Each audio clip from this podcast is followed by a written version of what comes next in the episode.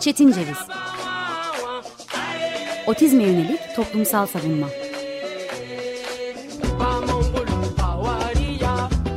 Hazırlayan ve sunan Deniz Yazgan.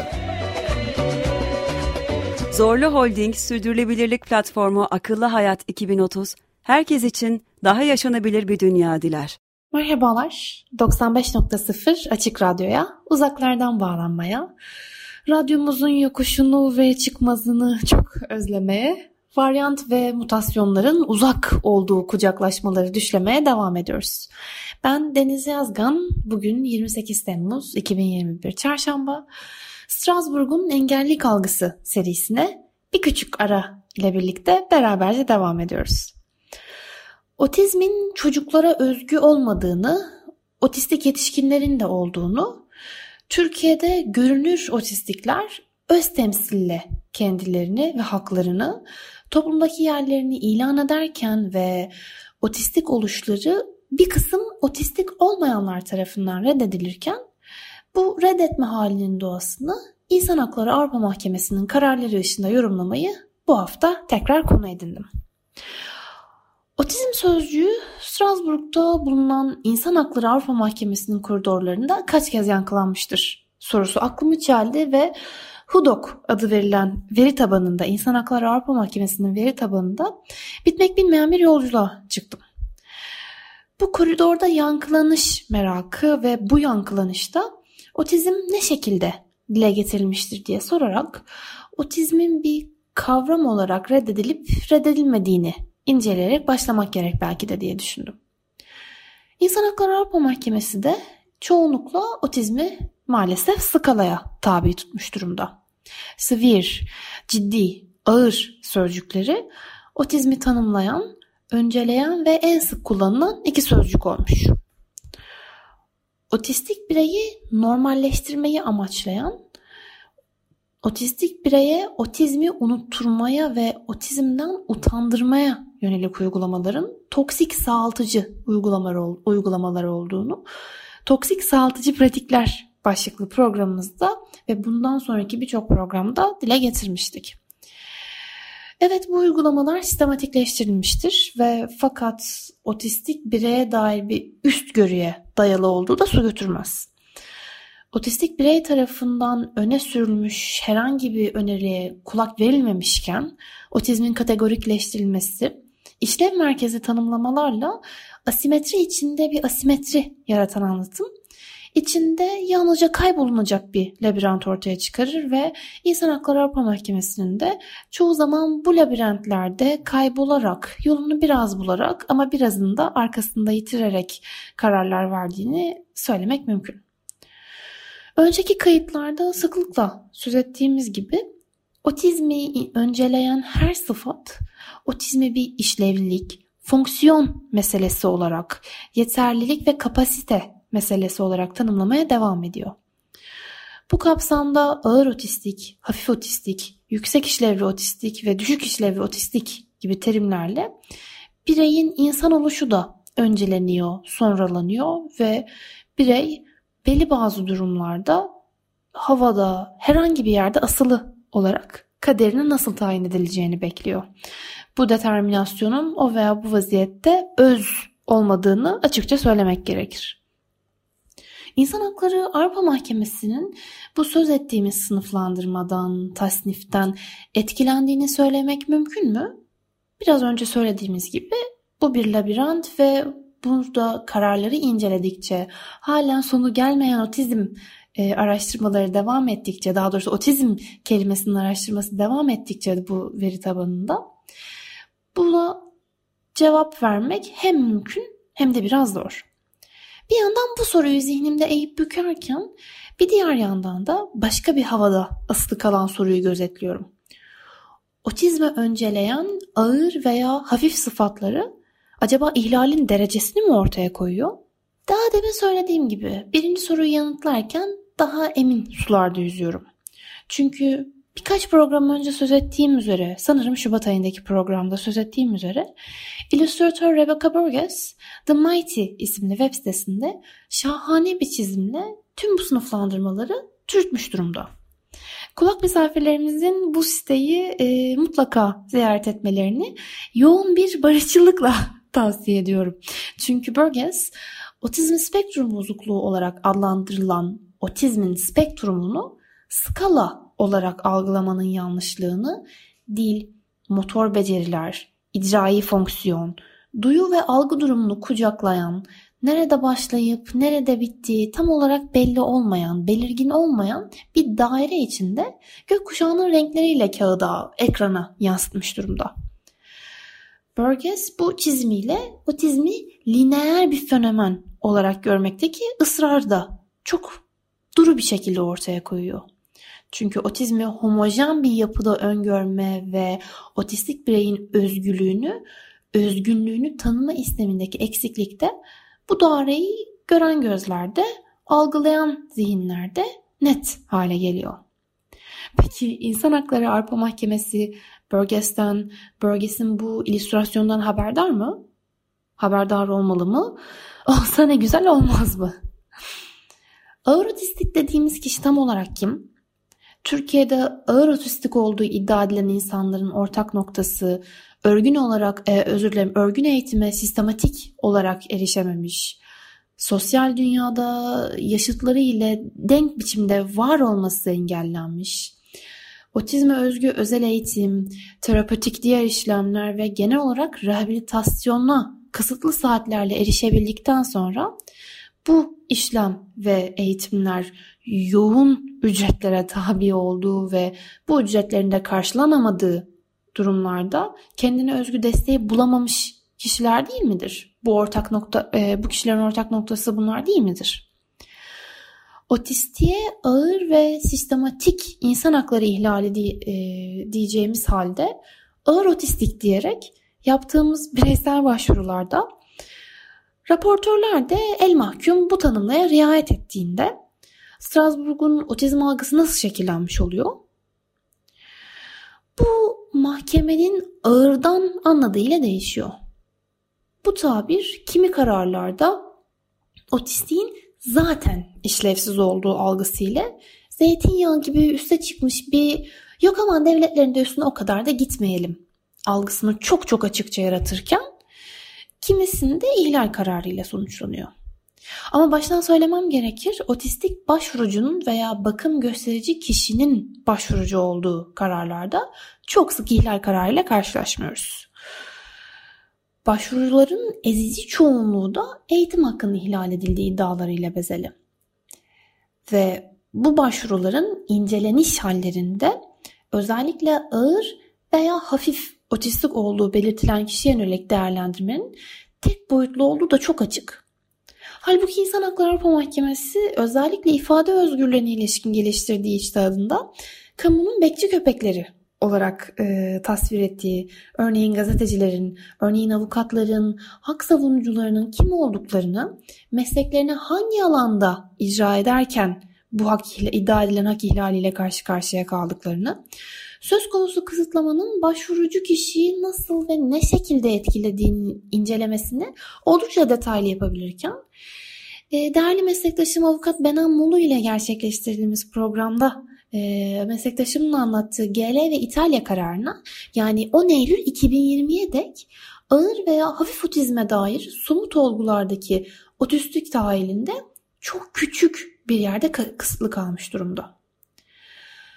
Otistik öznenin sağlamcı dogmalardan arınamamışlığında veya tamamen yokluğunda bu öznenin kendini öz temsille var eder pozisyonda olamayışında bu upuzun cümlenin yanıtı da gizli.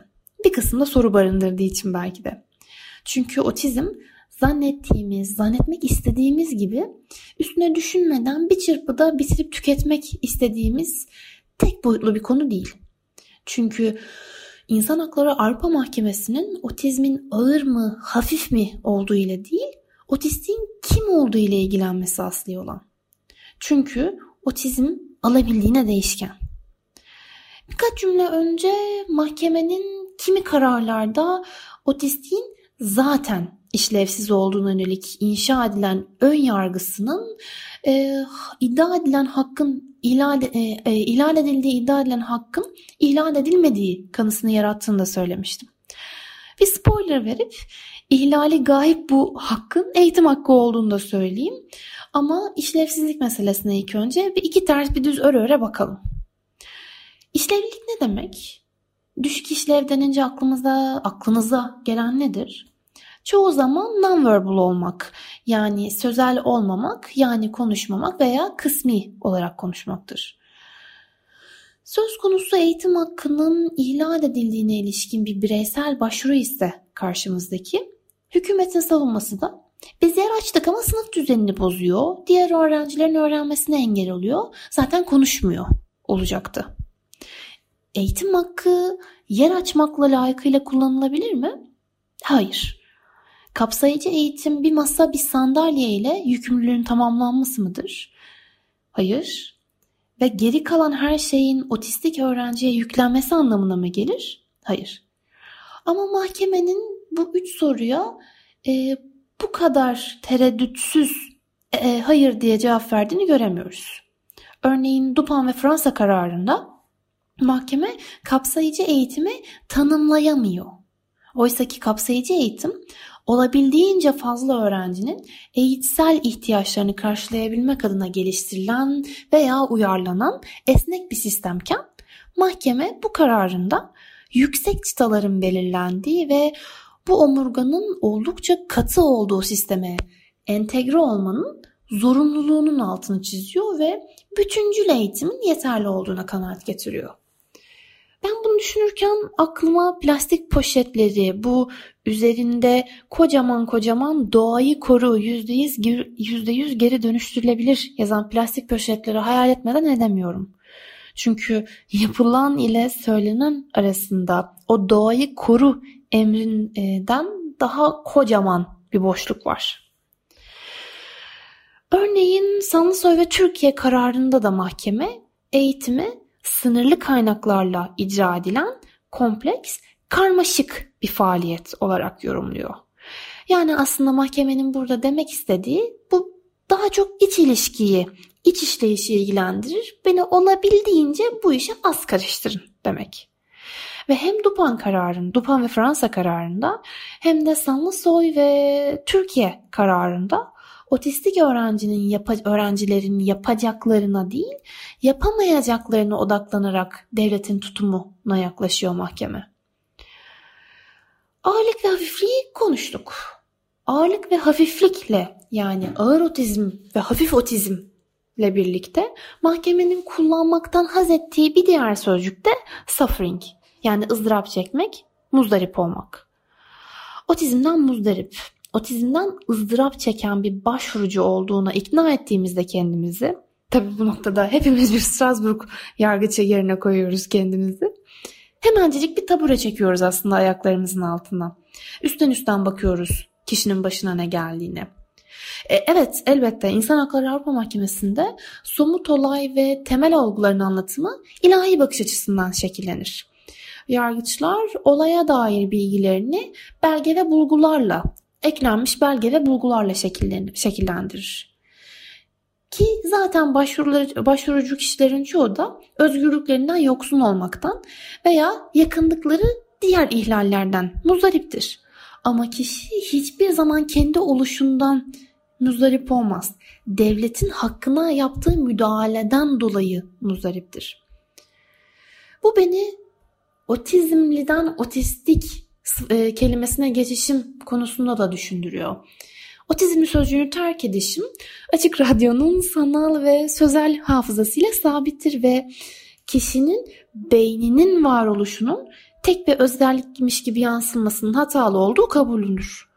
Ama bir de kişinin kendi oluşunun bir ızdırap olarak adlandırılması gerek başvurucunun gerekse mahkemenin otizmi direkt olarak bir hastalık olarak yorumladığının en büyük göstergesidir. Bir sene önceki programlarda yaptığım gibi Hasan Cem Çal'ın Birikim dergisindeki Spinoza'nın iyi kötü ayrımı ve ahlak karşısında etik yazısından yine ve yeniden atıf yapayım. Spinoza özden bahsederken salt bir özden çok değişken, duygular ve duygulanımlarla durmaksızın kat edilen bir öze işaret etmez miydi? Bu anlamda öz, varoluş, var olan değil miydi? Tam da bu nedenle bir bedenin ne yapabileceği yani neye muktedir olabileceği tam anlamıyla bilinemezdi sanki. Beden oluş halinde olan değil miydi? Ve bedenin aslı olan beyinden ve bir de üstüne zihinden söz ederken kişinin özünden muzdarip olduğumuza kanaat getirten ve bu kanaatimizde de çok mütereddit olmayışımızın sebebi nedir? Otistiğin ah bak sen ne olurdun da olamadın diye bir inceleye, incelemeye tabi tutulması devletin müdahalesini biraz da hafife çıkarmaya yol açmaz mı? Hakkın ihlal edilmesinin asli sebebi otistiğin iddia edilen kapasitesiz, kapasitesizliğine mi çıkmalıdır? Veya daha direkt olarak sormak gerekirse otistik bireyin hakkının ihlal edilmesinin sebebi yetersiz olması mıdır? Sosyal iletişimde, sosyal interaksiyonda başkalık kapasitesizlik midir? Beceri dediklerimizi kim, ne zaman belirlemiştir ve ne zaman buna uygun çocuk yetiştirmediğimiz, yetiştirilemediğimiz durumlarda yok sayılmışızdır. 1830'lu yıllarda ilk kez e, zikredilen Arrested Development e, sözcüğü gelişimin tamamlanması gereken dönemde kala kalınan anormal hali tanımlar ve durdurulmuş gelişme olarak çevrilmiştir. Durdurulmuş gelişme bence dilimize uygun bir kavram değil ve e, yine 2020 yılından bir programdan tekrar atıf yapmak gerekirse ben tanımından uzaklaştırmayı seçtiğim bu hale uzun bir süredir gelişimin kelepçelenmesi denmesine daha uygun buluyorum. Farklı olan bakışımızı kelepçeledikçe örneğin otistiği kendi gözlerimizden, otistik olmayan na otistik gözlerimizden yorumlamaktaki ısrarımızda, otistiği bir dünyaya kafeslemek istediğimizde veya otistik birey olan bakış açısını istediğimiz şekilde şekillendirip bir noktada kelepçeledikçe başka başka şeyleri de sırayla kelepçeliyoruz. Örneğin bir sıfatla bir insan hakları koruma mekanizmasının bakış açısını. Çünkü bir gazeteci, bir avukat gibi aramızda değil otistik. Dünyanın hiçbir yerinde. Otistik bu sıfatlarla arşla arz arasında hızlı yer değişiklikleri yaşamaya mahkum edilmiş bir yaşam formu haline getirilmiş durumda. Otistiğin kim olduğuna yönelik dinlediklerimiz çoğu zaman özneler değil. Salzburg'un engellilik algısının bir alt başlığı olarak otistik algısı da henüz otizm algısının yarattığı pustan dolayı şekillenmiş değil. Biraz önce söz ettiğim GL ve İtalya kararının bir başlangıç olduğu zoraki bir umutla söylenebilir. Çünkü mahkeme o kadar da değil demiş gibi artık. Ama yalnızca o kadar da değil demiş gibi.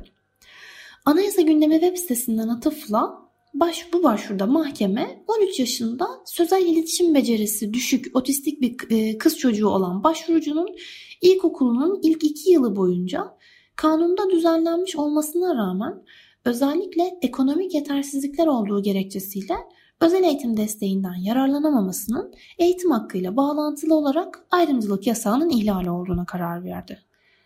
Mahkeme engeli nedeniyle diğer çocuklardan ayrı koşullara tabi tutulan başvurucunun ilkokula devam edememesinde yetkililerin küçük kızın gerçek ihtiyaçlarını gözetmemesinin ve ona gerekli desteği sağlamamalarının etkili olduğunu, ekonomik yetersizlikleri gidermek için başka ihtimallerin hiç düşünülmediğini, bir çocuğun eğitim hayatının ve sosyal entegrasyonun temelini oluşturan ilkokul eğitimi sırasında böyle bir ayrımcılığa maruz kalmasının ayrı bir önem arz ettiğini belirtmiş. Evet, bu karar mahkemenin otistik öğrencilerin eğitim hakkıyla bağlantılı olarak ayrımcılık yasağına maruz kaldığını tespit ettiği ilk ihlal kararı ve bir damar yolu artık açık.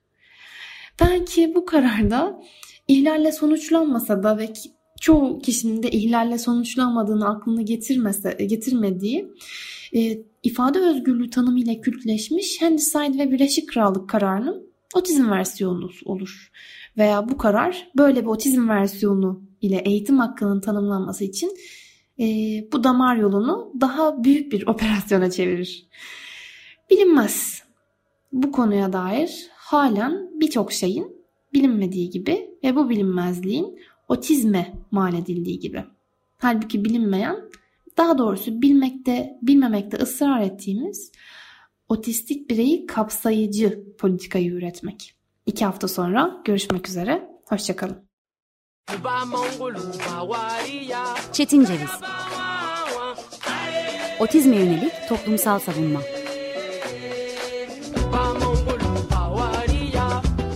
Hazırlayan ve sunan Deniz Yazgan. Zorlu Holding Sürdürülebilirlik Platformu Akıllı Hayat 2030 sundu.